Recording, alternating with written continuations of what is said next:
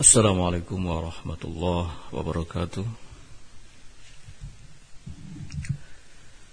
إن الحمد لله نحمده تعالى ونستعينه ونستغفره ونعوذ بالله من سرور أنفسنا وسيئات أعمالنا من يهده الله فلا مضل له ومن يضلل فلا هادي له أشهد أن لا إله إلا الله وحده لا شريك له وأشهد أن محمدا عبده ورسوله.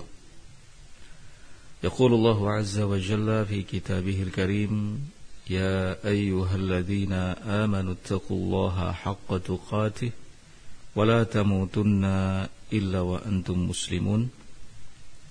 يا أيها الناس اتقوا ربكم الذي خلقكم من نفس واحدة وخلق منها زوجها وبث منهما رجالا كثيرا ونساء واتقوا الله الذي تساءلون به والأرحام إن الله كان عليكم رقيبا. يا أيها الذين آمنوا اتقوا الله وقولوا قولا سديدا يصلح لكم أعمالكم ويغفر لكم ذنوبكم ومن يطع الله ورسوله فقد فاز فوزا عظيما. أما بعد فإن أصدق الحديث كلام الله تعالى وخير الهدي هدي محمد صلى الله عليه وعلى آله وسلم وشر الأمور محدثاتها فإن كل محدثة في دين الله بدعة وكل بدعة ضلالة وكل ضلالة في النار. Ikhwati fillah rahimani wa rahimakumullah kaum muslimin yang dimuliakan Allah Subhanahu wa taala. Alhamdulillah pada kesempatan pagi hari ini kita kembali dipertemukan dalam kajian online membahas kitab Bulughul Maram pada bahasan Kitabul Jami'. Terakhir dari pertemuan kita adalah Hadis ketiga dari bab tentang albirru wassilah. Kita belum selesai membaca uraian dari Syekh Al-Alamah Abdul Aziz bin Baz rahimahullahu taala tentang hadis ini. Kita akan baca terlebih dahulu isi daripada hadis ketiga tadi. Hadis ini hadis yang dibawakan oleh sahabat Al-Mughirah bin Syu'bah Al-Thaqafi di mana beliau mendengar Nabi sallallahu alaihi wa ala alihi wasallam bersabda Sesungguhnya Allah telah haramkan atas kalian durhaka kepada para ibu. Innallaha harrama alaikum uquqal ummahat wa wa'dal banat dan Allah haramkan atas kalian wa'dal banat mengubur hidup-hidup anak perempuan. Ini seperti yang sudah disinggung sebelumnya mengarah kepada kebiasaan kaum jahiliyah. Wa man'an wahad dan Allah haramkan atas kalian tindakan enggan memberi namun gemar meminta. Lalu kata Nabi sallallahu alaihi wasallam wa karaha lakum wa kariha lakum qila wa qala wa kathratas su'al wa idha'atal mal. Dan Allah membenci pada kalian qila wa qala kebiasaan menukil kalimat katanya dan katanya atau dengan bahasa lain desas-desus dan banyak bertanya atau arti lain banyak meminta serta menyia-nyiakan harta. Kemudian disebutkan di sini wa fil lafdil akhar wa yaskhatu lakum qila wa qala wa kathratas su'al wa idha'atal mal. Dalam teks lain Kalimatnya adalah wa yaskhatu lakum qila wa qala Allah. Membenci. Tidak menyukai pada kalian. Qila wa qala katanya dan katanya. Kalimat itu kemudian banyak bertanya atau meminta serta menyia-nyiakan harta. Ikhwati fillah rahimani wa rahimakumullah, tiga hal yang diharamkan oleh Allah sudah kita bahas ya, pada pertemuan sebelumnya, uquqal ummahat, durhaka kepada para ibu, kemudian mengubur anak atau bayi perempuan hidup-hidup lalu tindakan enggan memberi namun gemar meminta. Tinggal berikutnya kita akan sampaikan perkataan Syekh Al-Allamah Abdul Aziz bin Baz rahimahullahu taala ya, tentang yakrah lakum qila wa qala. Allah tidak menyukai pada kalian kalimat katanya dan katanya atau desas-desus. Beliau rahimahullahu taala mengatakan wa amma qauluhu sallallahu alaihi wasallam wa yaqrahu lakum qila wa qala wa fil lafdil akhar wa yaskhatu lakum qila wa qala. Sabda Nabi sallallahu alaihi wa ala alihi wasallam Allah tidak menyukai pada kalian kalimat katanya dan katanya dalam teks lain Allah membenci pada kalian qila wa qala kalimat katanya dan katanya. Maknahu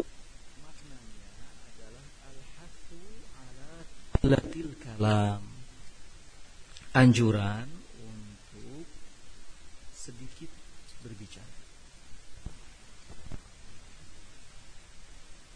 wal hirsu ala adami tawassu dan motivasi untuk tidak terlalu meluas dalam perkataan. Karena tawassu'a fil kalam yufdi ilal kadhib wa yufdi ilal ghalat. Sebab terlalu meluas dalam perkataan atau pembicaraan ini bisa mengantarkan kepada kedustaan dan bisa mengantarkan kepada kekeliruan dan kesalahan. E, dulu sahabat Umar bin Khattab mengatakan man kathura kalamuhu kathura khata'uhu. Siapa yang banyak bicaranya maka banyak salahnya. Oleh karenanya sekiranya ada pembicaraan-pembicaraan yang tidak terlalu penting untuk diungkap maka sebaiknya tidak diungkap sebab tidak setiap perkataan itu layak disampaikan.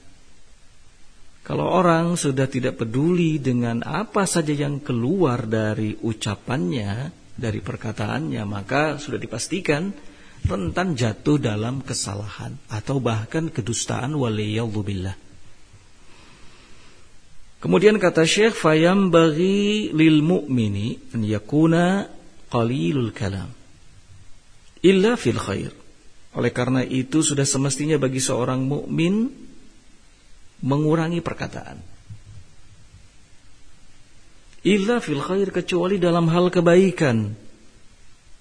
Walihada qala alaihi salatu wassalam fil hadis sahih man kana yu'minu billahi wal yawmil akhir falyakul khairan aw liyasmut. Karena itu beliau sallallahu alaihi wasallam dalam hadis sahih hadis riwayat Bukhari Muslim mengatakan Barang siapa yang beriman kepada Allah dan hari akhir Maka hendaknya ia mengucapkan Kata-kata yang baik atau diam. Jelas apa yang disampaikan oleh Nabi alaihi salatu wassalam ini dapat dipahami oleh siapa pun. Ya. Qala wa fi hadithi Ummi Salamah radhiyallahu taala anha al-lisanu fi afiyatin ma lam yatakallam Fa in takallama falahu aw alaihi aw kama qala alaihi salatu wassalam. Kemudian dalam hadis Ummu Salamah radhiyallahu taala anha disinggung tentang sabda Nabi yang berbunyi al-lisanu fi afiyatin. Lisan itu senantiasa selamat. Malam yatakallam, selama tidak berbicara. Jika berbicara maka bisa jadi untuknya untuk si pemilik lisan itu au alaihi atau atasnya.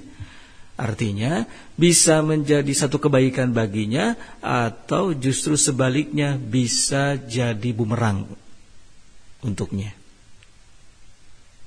Nah di sinilah ya pentingnya setiap kita menjaga kata-kata yang keluar dari lisan kita.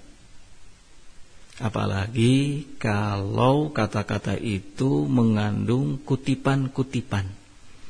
Kutipan-kutipan yang didengar ya entah dari mana asalnya belum bisa dipastikan kebenarannya. Dalam hadis tadi Nabi mengatakan ya lakum qila wa qala. Qila wa qala adalah kutipan-kutipan, katanya si fulan, katanya si alan. Nah, desas-desus ya.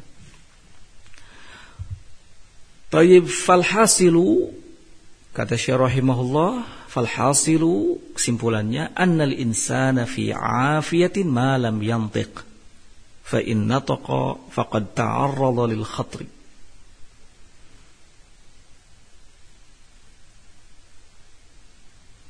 Seseorang akan senantiasa dalam keselamatan. Fi afiyatin.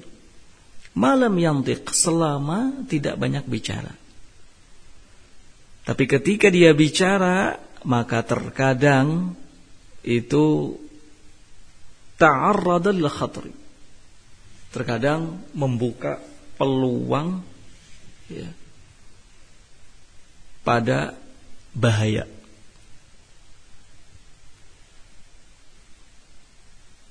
Fayam bagilah wa an yantiq bi khairin. Maka sudah semestinya baginya untuk berbicara dengan pembicaraan yang baik wa an yaskut amma siwa dan diam dari selainnya. Imma khairun wa imma sumt.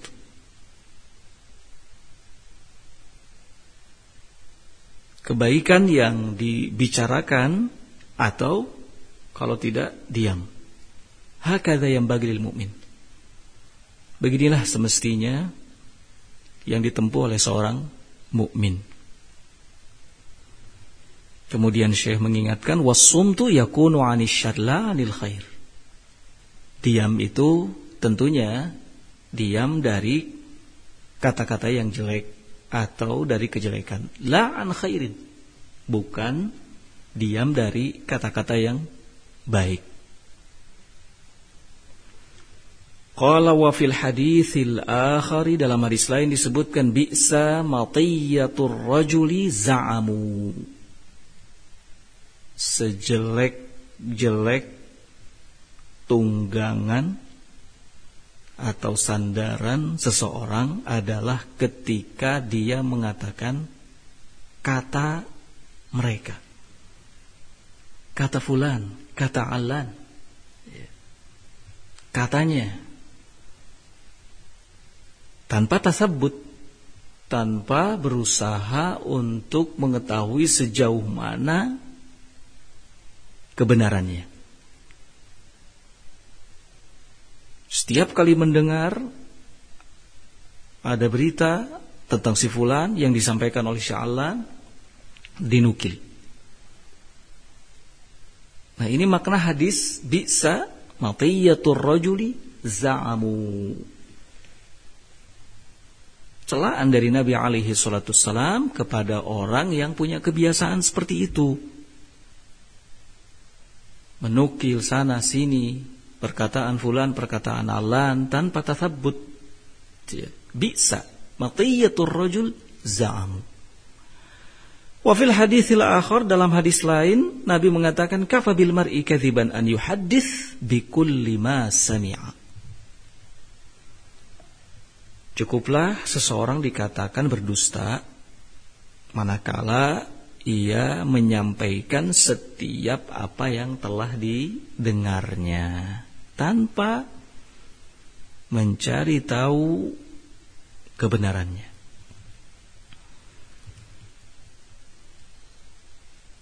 Ini tindakan yang buruk. Ya, apalagi kalau ini dipakai untuk menjatuhkan saudaranya, dipakai untuk menjatuhkan lawan. Ya. Ini tidak sportif, tidak ilmiah. Fayambagi lil mu'min an yakhtara al-kalam at-tayyib idza takallama bihi. Maka sangat pantas bagi seorang mukmin untuk memilih kata-kata yang baik. Idza takallama bihi apabila ia berbicara.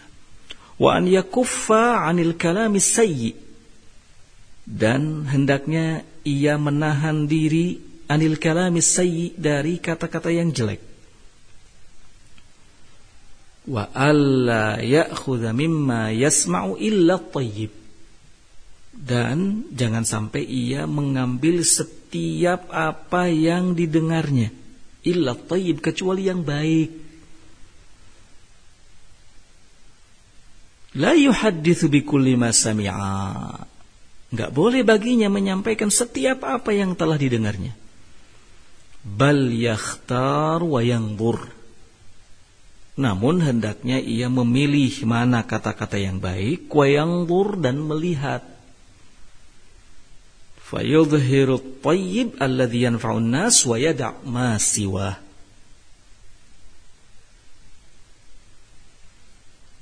yudhir at-tayyib ia hendaknya menampakkan yang baiknya yang bermanfaat bagi manusia dan meninggalkan selainnya. Makanya nasihat-nasihat para ulama yang disampaikan kepada kita di antaranya adalah fakir qabla an ta'zim. Berfikir sebelum berbicara. Ya.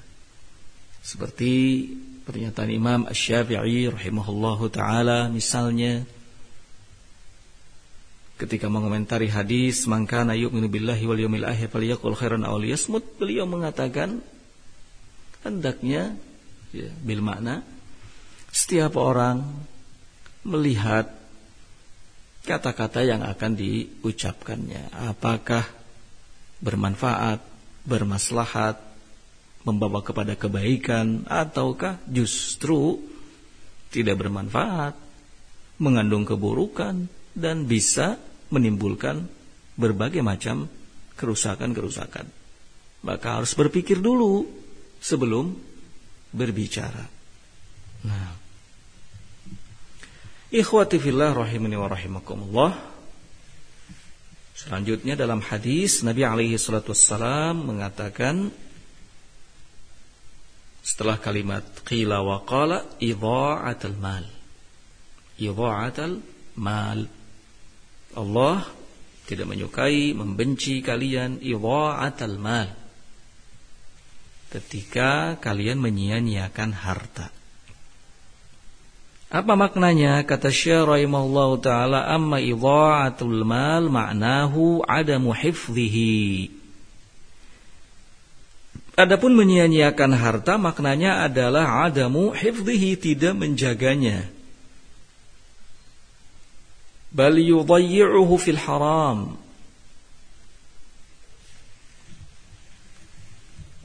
tetapi justru yudayyi'uhu fil haram menyia-nyiakannya menghabiskannya dalam hal-hal yang haram au fil la'bi atau dalam permainan wallahwi sendagurau au fi asbah dzalik mimma laisa fihi faidah atau dalam semisal itu yang tidak sedikit pun mengandung faidah di dalamnya.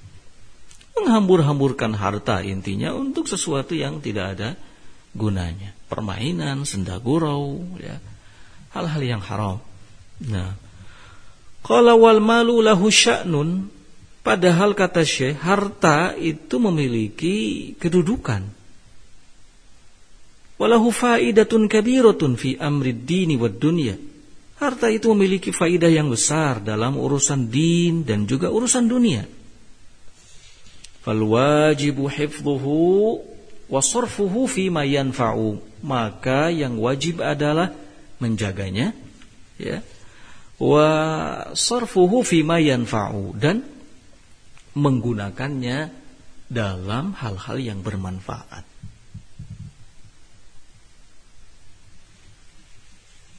Ini yang harus kita lakukan terhadap harta yang kita miliki. Karena walau bagaimanapun harta itu punya hak. Hak untuk kita tunaikan dengan baik. Apa di antara haknya? Selain kita belanjakan dalam perkara-perkara yang baik. Ya, kita infakkan, kita sedekahkan, kita zakatkan. Juga kita jaga. Nah, jangan dihambur-hamburkan untuk hal-hal yang tidak bermanfaat. Ama idha'atuhu fala tajuzu li'anna idha'atahu tu'tabaru sarafan wa tabdhiran batilan la yajuz. Wallahu yaqulu la tubaddir. Menyia-nyiakannya, menyia-nyiakan harta kata Syekh la tajuz. Tidak diperbolehkan. Sebab menyia-nyiakan harta dikategorikan tuata baru sarafan. Dikategorikan sebagai bentuk sarafan.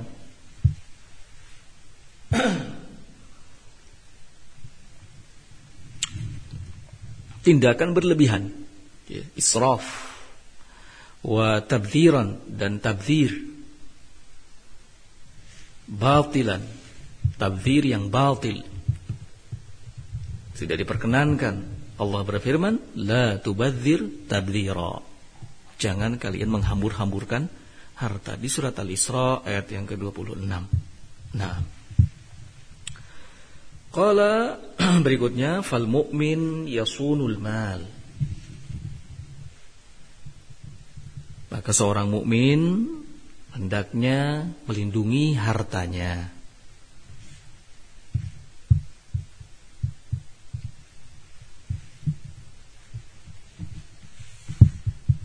Fal mu'minu yasunul mal, seorang mukmin hendaknya melindungi hartanya. Wa yasrifuhu fi wajhih. Dan menggunakannya sesuai dengan kebutuhannya. Wa yaqtanihi min wajhih. Dan menjaganya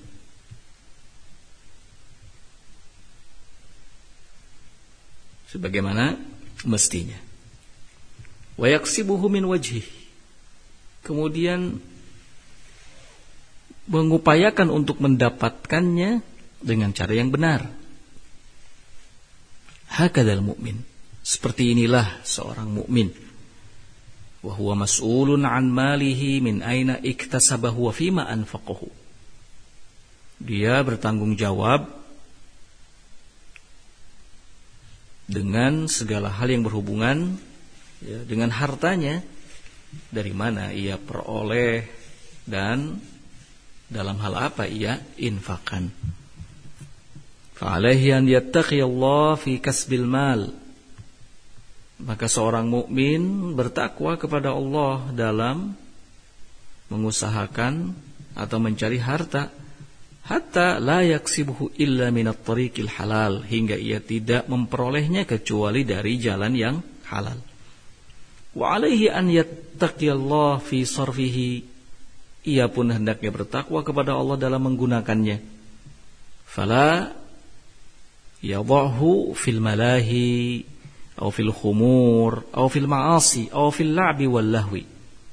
Jangan sampai ia meletakkannya fil malahi pada hal-hal yang sifatnya hura-hura atau fil khumur atau uh, untuk mabuk-mabukan, minum khamr atau untuk kemaksiatan ya.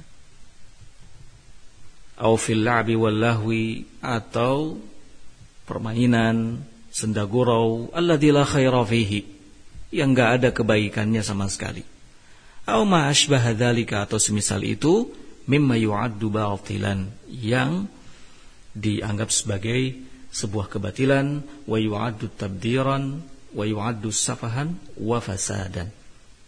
Dianggap sebagai tabdir, ya, dianggap sebagai tindakan keji dan kerusakan. Nah, fal malu lahu sya'nun wa huwa yu'inu 'alal khair idza ahsana at-tasarruf fihi. Maka kesimpulannya harta memiliki kedudukan. Harta ini sesuatu yang yu'inu 'alal khairi, dapat membantu kebaikan apabila benar dalam menggunakannya. Ya. Kalau kita gunakan harta kita dengan baik tentu akan membuahkan kebaikan. Tapi kalau kita gunakan harta yang kita miliki ini untuk sesuatu yang tidak bermanfaat, yang tidak baik, ya, mengandung hal-hal yang diharamkan oleh Allah, ini bisa membahayakan kita dan membuahkan hal yang buruk bagi kita. Karena akan dimintai pertanggungjawabannya nanti di hadapan Allah Subhanahu wa taala saat setiap kaki kita tidak mampu bergeser. Ya, hingga disampaikan kepada kita empat pertanyaan. Satu dari empat pertanyaan itu adalah tentang harta yang kita miliki. Min aina iktasabahu wa fima anfaqahu. Dari mana kita peroleh dan ya, ke mana kita infakkan. Nah, Ikhwati fillah rahimani wa rahimakumullah yang terakhir dari apa yang disampaikan oleh Nabi alaihi salatu salam setelah idha'atul mal adalah kathratas su'al. Asy rahimahullahu taala mengatakan wa amma kathratas su'al adapun banyak bertanya atau meminta ya. Ini yang ketiga dari hal yang dibenci, tidak disukai oleh Allah Subhanahu wa taala. Fahadha fassarahu ahlul ilmi ala wajhain. Ahlul ilmi menafsirkan kalimat ini ya, menjadi dua dua tafsiran. Ahaduhuma salah satunya kasratus sual fid dunya fi talabil mal. Yang dimaksud dengan kasratus sual banyak ya, meminta di sini adalah terkait dengan dunia. Kas eh, kathratus su'al fid dunia. Banyak meminta urusan dunia. Fi talabil mal. Ya, mencari harta benda. Wahadalah yang bagi jelas ini tidak semestinya dilakukan. Ya. Yang bagi lili insan alla yas'ala illa inda darurah. Semestinya bagi setiap orang tidak meminta kecuali terpaksa. Ya, kecuali terpaksa. Karena walau bagaimanapun meminta-minta itu adalah tindakan tercela. Karenanya Nabi alaihi salatu salam mengatakan bahwa ini hal yang tidak disukai oleh Allah. Kathratus su'al. Banyak meminta. Walihada yaqulu sallallahu alaihi wasallam karena itu Nabi pun mengatakan la yazalur rajulu yas'alun nasa hatta ya'ti yaumul yaumul qiyamah wa laysa fi wajhihi muz'atu lahmin. La haula wala quwata illa billah. Ya. Seseorang terus terusan meminta-minta kepada manusia. Atau tidaklah seseorang dalam keadaan terus-terusan meminta kepada manusia Melainkan nanti dia akan datang pada hari kiamat dalam keadaan di wajahnya ya sudah tidak ada dagingnya melainkan wajahnya sudah tidak ada dagingnya. Waliyadzubillah ya.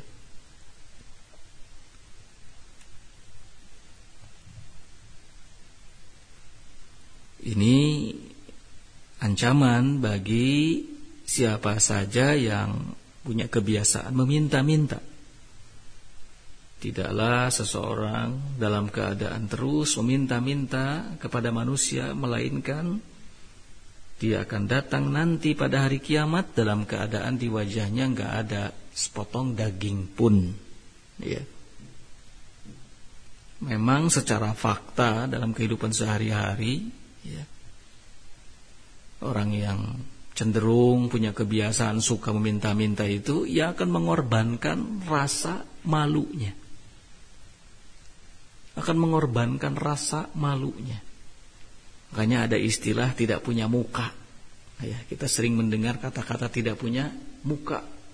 Nah, itu gambaran dari orang yang sudah tidak ada rasa malu.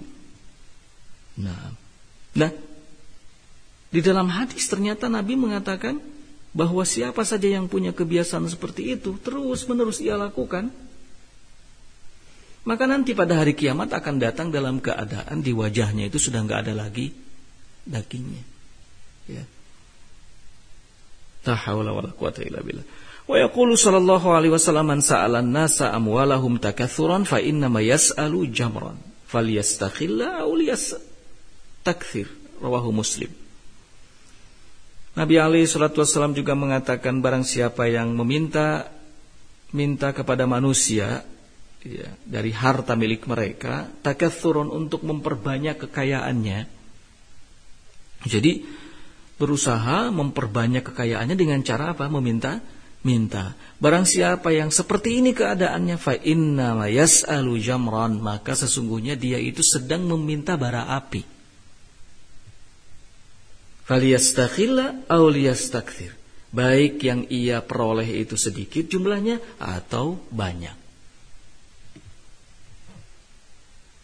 Rawahu Muslim, hadis riwayat Muslim. Qala wal wajibu al hadar. Maka yang wajib adalah senantiasa waspada. Ya, berhati-hati. Nah. Qala fi hadithi Qabisah bin Mukharik radhiyallahu taala anhu annal mas'alata la tahil illa li ahadits thalathatin. Dalam hadis Qabisah ya, bin Makharik radhiyallahu taala anhu disebutkan bahwa meminta-minta itu tidak halal kecuali untuk satu dari tiga golongan.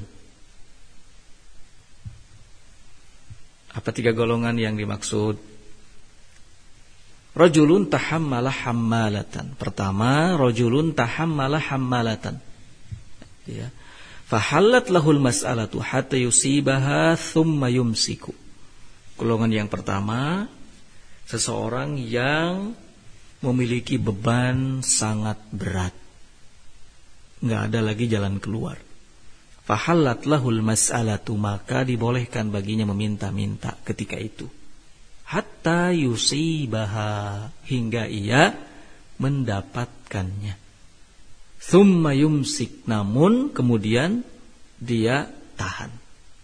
Kalau sudah mendapatkannya, tidak lagi perlu meminta minta. Ya. Nah, beban itu banyak misalnya beban hutang atau apa pun itu. Ya. Nah, ini yang pertama. Warajulun asabat hujaihatun ijtahat malahu fahalat lahul mas'alatu hatta yusiba qiwaman min aishin au qala sidadan min aishin. Yang kedua, seseorang yang tertimpa musibah. Ijtahat malahu hingga habis seluruh harta bendanya. Nah, maka boleh baginya meminta, minta hingga ia mendapatkan kiwaman min aish sesuatu yang bisa menopang hidupnya. Auqala sida dan min aish sama artinya. Rajulun asabathu faqatun hatta yaquma thalathatun min dhawil hija min qaumihi laqad asabat fulanan faqatun. Kemudian yang ketiga seseorang yang ditimpa kemiskinan fakir. Ya. Hingga ada tiga orang yang berakal. Salah satu min dawil hija, tiga orang yang berakal dari kaumnya yang merekomendasinya dengan mengatakan laqad asobat fulanan faqatan. Sungguh dia si fulan itu benar-benar fakir, benar-benar apa? miskin. Fahallat lahul mas'alatu hatta yusibu qiwaman min aishin au qala sidadan min aishin. Maka boleh baginya meminta-minta hingga ia mendapatkan sesuatu yang bisa menopang hidupnya. Fama siwahunna minal mas'alati ya qabisah suhtan yaquluha sahibuha suhtan rawahu Muslim. Adapun selain itu dari meminta-minta wahai qabisah adalah hal yang diharamkan. Yaquluha sahibuha suhtan. Ya. Bila pelakunya memakan hasilnya, maka ia memakan hasil yang haram. Rawahu Muslim. Hadis riwayat Muslim. Inilah ya tiga golongan yang dibolehkan meminta-minta karena kondisi. Ya. Nah, selain itu tidak boleh. Hada yubayyinu lana anna al-mas'alata innama tahillu fi hadhihi al-wujuh ats-tsalatsah. Kata Syekh ini menjelaskan kepada kita bahwa meminta-minta itu hanya dibolehkan pada tiga keadaan yang disebutkan tadi. Amma man yas'alu takathuran wa hirsan 'ala dunya fa hadha la yajuz.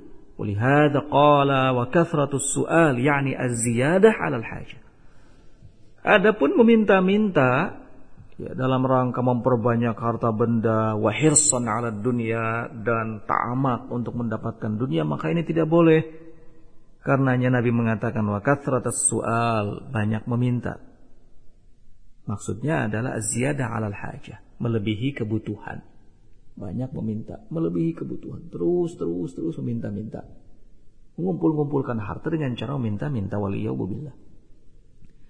Taib ikhwatifillah rahimakumullah itu tafsiran yang pertama. Kemudian wal makna.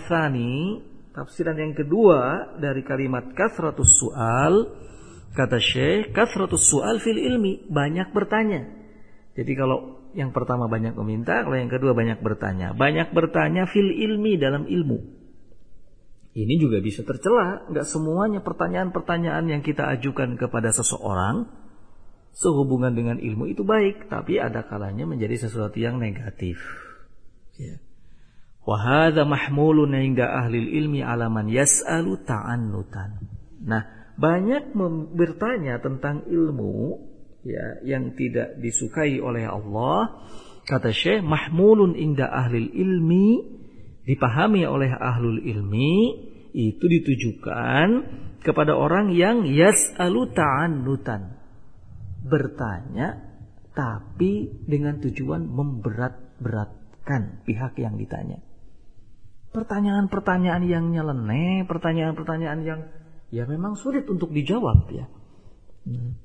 Wa yatlubul aghlutat dan pertanyaan-pertanyaan yang mencari-cari kesalahan pihak yang ditanya. Wa idza al-mas'ulin juga menyakiti pihak-pihak yang ditanya. Nah. Wa iqauhum fil masyakil wal ghalat bahkan menjerumuskan mereka pihak-pihak yang ditanya dalam problem dan kesalahan-kesalahan. Hadza huwal madmum, inilah yang dilarang. Inilah yang tercela. Kalau bertanya tentang ilmu, ya, memang ingin mendapatkan faidah, belum tahu ilmunya, ini terpuji. Tapi kalau bertanya tentang ilmu dengan tujuan-tujuan yang disebutkan tadi, memberat-beratkan, mencari-cari kesalahan, menyakiti, menjerumuskan bahkan ke dalam problem, ini tercela. Amma man yas'alu li talabil ilmi walil faidati wal yastafida wal ya'lam al haq wa yaqtasid fi su'al wa la yatlub al aghlutat wa la yaqsudu idhara husni fahmihi 'ala an-nas aw jawdati fahmihi aw riya fahadha la haraja 'alaihi. Kata Syekh rahimahullah, amma man yas'alu li talabil ilmi adapun orang yang bertanya dalam rangka mencari ilmu, dalam rangka mendapatkan faidah, liyastafid supaya dapat faidah, supaya tahu tentang kebenaran, wa yaqtasid fis su'al, kemudian sederhana dalam bertanya dan layat lubul aglutot tidak mencari-cari kesalahan juga tidak yaksud idharu husni fahmihi bertujuan untuk menampakkan baiknya pemahamannya di hadapan manusia au jaudati fahmihi atau cemerlangnya pemahamannya atau ria fahada la haraja alaihi. Maka yang seperti ini tidak dosa, tidak mengapa. Ya, yang terpenting tadi menghindari mencari-cari kesalahan, ya, menghindari tujuan, menampakkan bagusnya pemahaman dia, ya. Nah, bertanya untuk mendapatkan ilmu faidah ini tidak mengapa. Lakin yaktasid wa yakunu su'aluhu iqtisadiyan. Namun sekali lagi kata Syekh, hendak yang bertanya itu sederhana. Sederhana dalam artian tidak belat-belit ya, tidak menyulitkan, tidak memberat-beratkan. Wa yakunu su'aluhu iqtisadiyan. Pertanyaannya itu benar-benar sederhana. Yataharra asy-syai'a al-muhim fayas'alu. Berusaha menyampaikan sesuatu yang penting Kemudian ia menanyakannya. Wala yu'adhi wala yu'dhi al-mas'ulin bil aglutat wal masyakil. Tidak menyakiti pihak-pihak yang ditanya dengan aglutat, cari-cari kesalahannya, wal masyakil dan menjerumuskannya ke dalam problem allati qad takhfa alaihim yang kadang luput ya, pada mereka pihak-pihak yang ditanya atau ta'attulihim amma huwa aham atau ya menyakiti pihak-pihak yang ditanya dengan ta'attulihim amma huwa aham. Dengan melupakan mereka dari hal yang lebih penting. Qala wala yaqsud ar-riya wa idhara annahu afhama min ghairihi. Dan jangan sampai bertanya dengan tujuan ria dan menampakkan bahwa dirinya lebih paham daripada yang lainnya atau annahu a'raf min ghairihi. Atau menampakkan bahwa dirinya lebih tahu daripada yang lainnya. Atau ma asbaha dzalika atau semisal itu. Bal yakunu lahu qasdun salihun. Namun hendaknya ia memiliki tujuan yang baik. Nah, ini hal yang penting yang harus diperhatikan ya. Bagi siapa saja yang memang punya e, kesemangatan untuk selalu bertanya. Harus punya tujuan yang baik, wa niyatun solihatun dan niat yang lurus, wa yataharra al-masaila allati yahtaju ilaiha dan berusaha bersungguh-sungguh menyampaikan pertanyaan-pertanyaan yang memang dibutuhkan Hadza huwallazi yanbaghi lahu. Inilah yang semestinya dilakukan.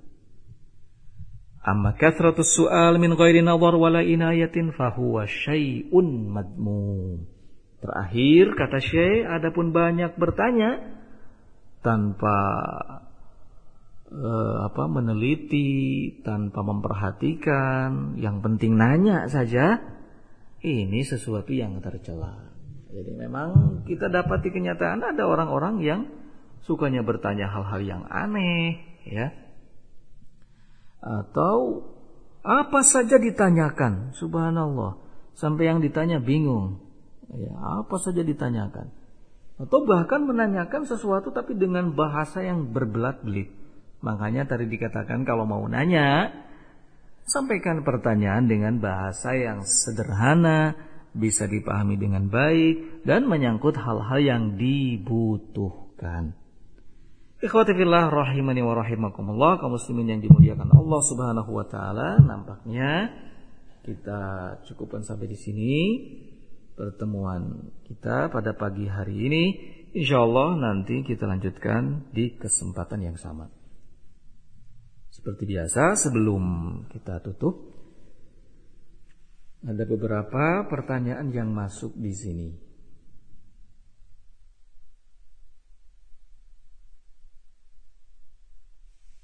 Bismillah Afan Ustadz izin bertanya bagaimana caranya seorang akhwat baru ngaji salaf berbakti kepada kedua orang tua? Awam. Yang mana? Memerintahkan kepada perkara maksiat. Apakah harus memberitahu mereka? Tapi seorang akhwat juga khawatir syubhat menyambar. Nah E, seperti yang diketahui bahwa berbakti kepada kedua orang tua adalah hal yang wajib, ya, hal yang wajib. Namun jika kedua orang tua memerintahkan kepada hal yang bertentangan dengan perintah Allah, maka Tidak ada kewajiban taat kepadanya. La ta'ata fi makhlukin atau li makhlukin fi maksiatil khaliq. Tidak ada ketaatan kepada makhluk dalam bermaksiat kepada sang khalik. Ketika kedua orang tua memerintahkan kepada perkara maksiat, maka sebisa mungkin kita sampaikan kepada keduanya bahwa ini adalah hal yang tidak diperbolehkan karena secara hukum agama ini dilarang dengan bahasa-bahasa yang baik ya. Nah, atau kalau misalnya kita punya solusi lain sampaikan solusi yang lain yang terbaik kalau misalnya eh, perintahnya adalah yang lain B misalnya bukan yang A tadi yang dilarang maka saya siap misalnya nah Intinya tetap harus disampaikan dengan kata-kata yang baik. Jangan sampai terputus komunikasi dengan kedua orang tua.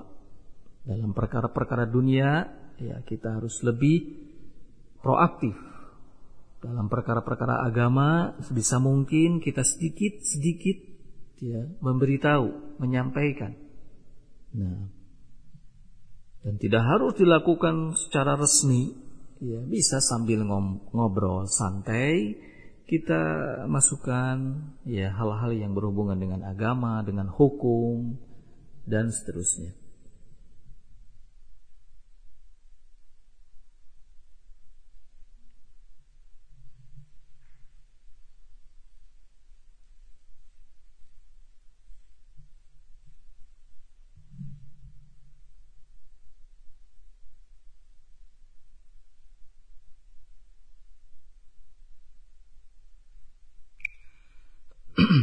apa yang dilakukan seseorang yang masbuk apabila mendapati orang-orang yang salat berjamaah dalam kondisi e, mereka sedang sujud misalnya. Apakah ia ikut sujud bersama dengan mereka dengan takbiratul ihram atau menunggu mereka bangkit menuju rakaat yang selanjutnya atau menunggu mereka duduk? Nah e, ketika kita masuk masjid mendapati imam dan jamaah ya, yang ada di dalam masjid sudah sholat bahkan sudah dalam posisi sujud seperti yang disebutkan di pertanyaan maka kewajiban kita adalah langsung mengikuti mereka mengikuti imam. Nah sujud. Tidak menunggu hingga imam dan seluruh jamaah berdiri atau duduk tapi langsung kita ikut pada posisinya. Innama ju'ilal imam liyutamma bih. Sungguhnya imam dijadikan untuk diikuti. Nah dengan takbiratul ihram. Dengan takbiratul ihram. Nah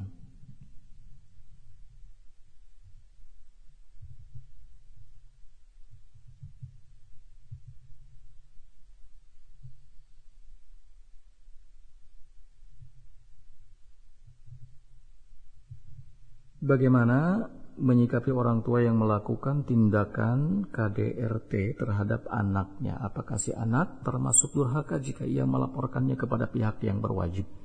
Nah, jika kondisinya memang seperti itu, tidak ada pihak lain yang bisa e, menasehati kedua orang tua tersebut dan tetap ya, dengan kebiasaannya melakukan tindakan kekerasan, maka tidak mengapa mencari perlindungan kepada pihak yang berwajib. Nah, dan tidak termasuk durhaka kepada kedua orang tua. Justru itu bagian dari kita menyelamatkan dia, ya, menyelamatkan kedua orang tua dari tindakan kezaliman. Unsur akhoka zaliman au madluman Nabi memerintahkan kepada kita untuk menolong saudaramu yang berbuat dolim atau yang terdolimi. Hmm. Menyelamatkan yang melakukan kedoliman adalah dengan cara mencegahnya dari perbuatan tersebut.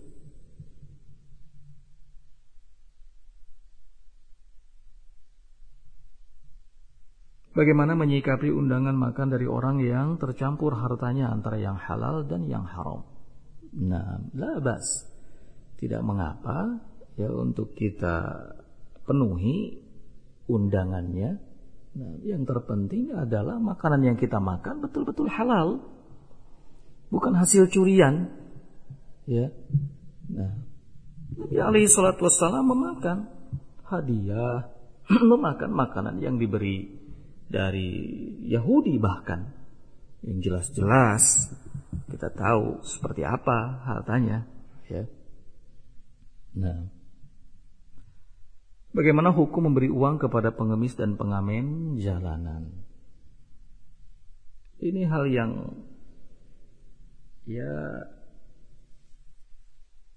sebaiknya apa eh, kita berikan harta kita kepada pihak yang memang pas dan tepat untuk menerimanya. Wallahu alam, pengemis, pengamen jalanan, kita belum bisa memastikan apakah kondisinya betul-betul dalam keadaan membutuhkan, ya. Nah, ada orang yang sengaja ngamen di jalan hanya mengisi waktu, tidak terlalu butuh, ya Nah, apalagi ngamen hal yang tidak bagus, tidak baik. Ya. Jadi sebaiknya kita berikan harta kita kepada pihak yang memang tepat untuk kita berikan kepadanya uang kita, harta kita, nah, kepada fakir, miskin yang jelas, yang baik, yang soleh.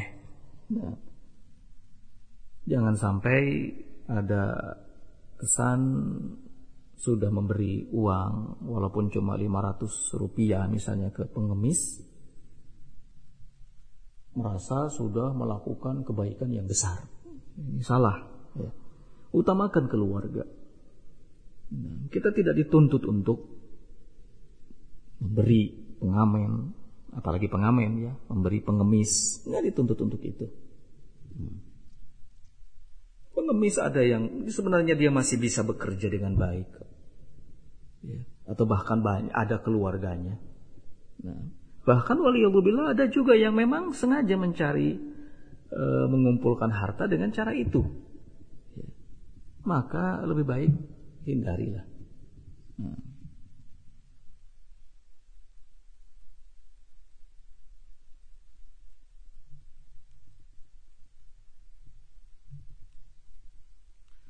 Nampaknya kita cukupkan sampai di sini. Allah taala a'lam bissawab. Subhanakallahumma bihamdika asyhadu an la ilaha illa alamin. Wassalamualaikum warahmatullahi wabarakatuh.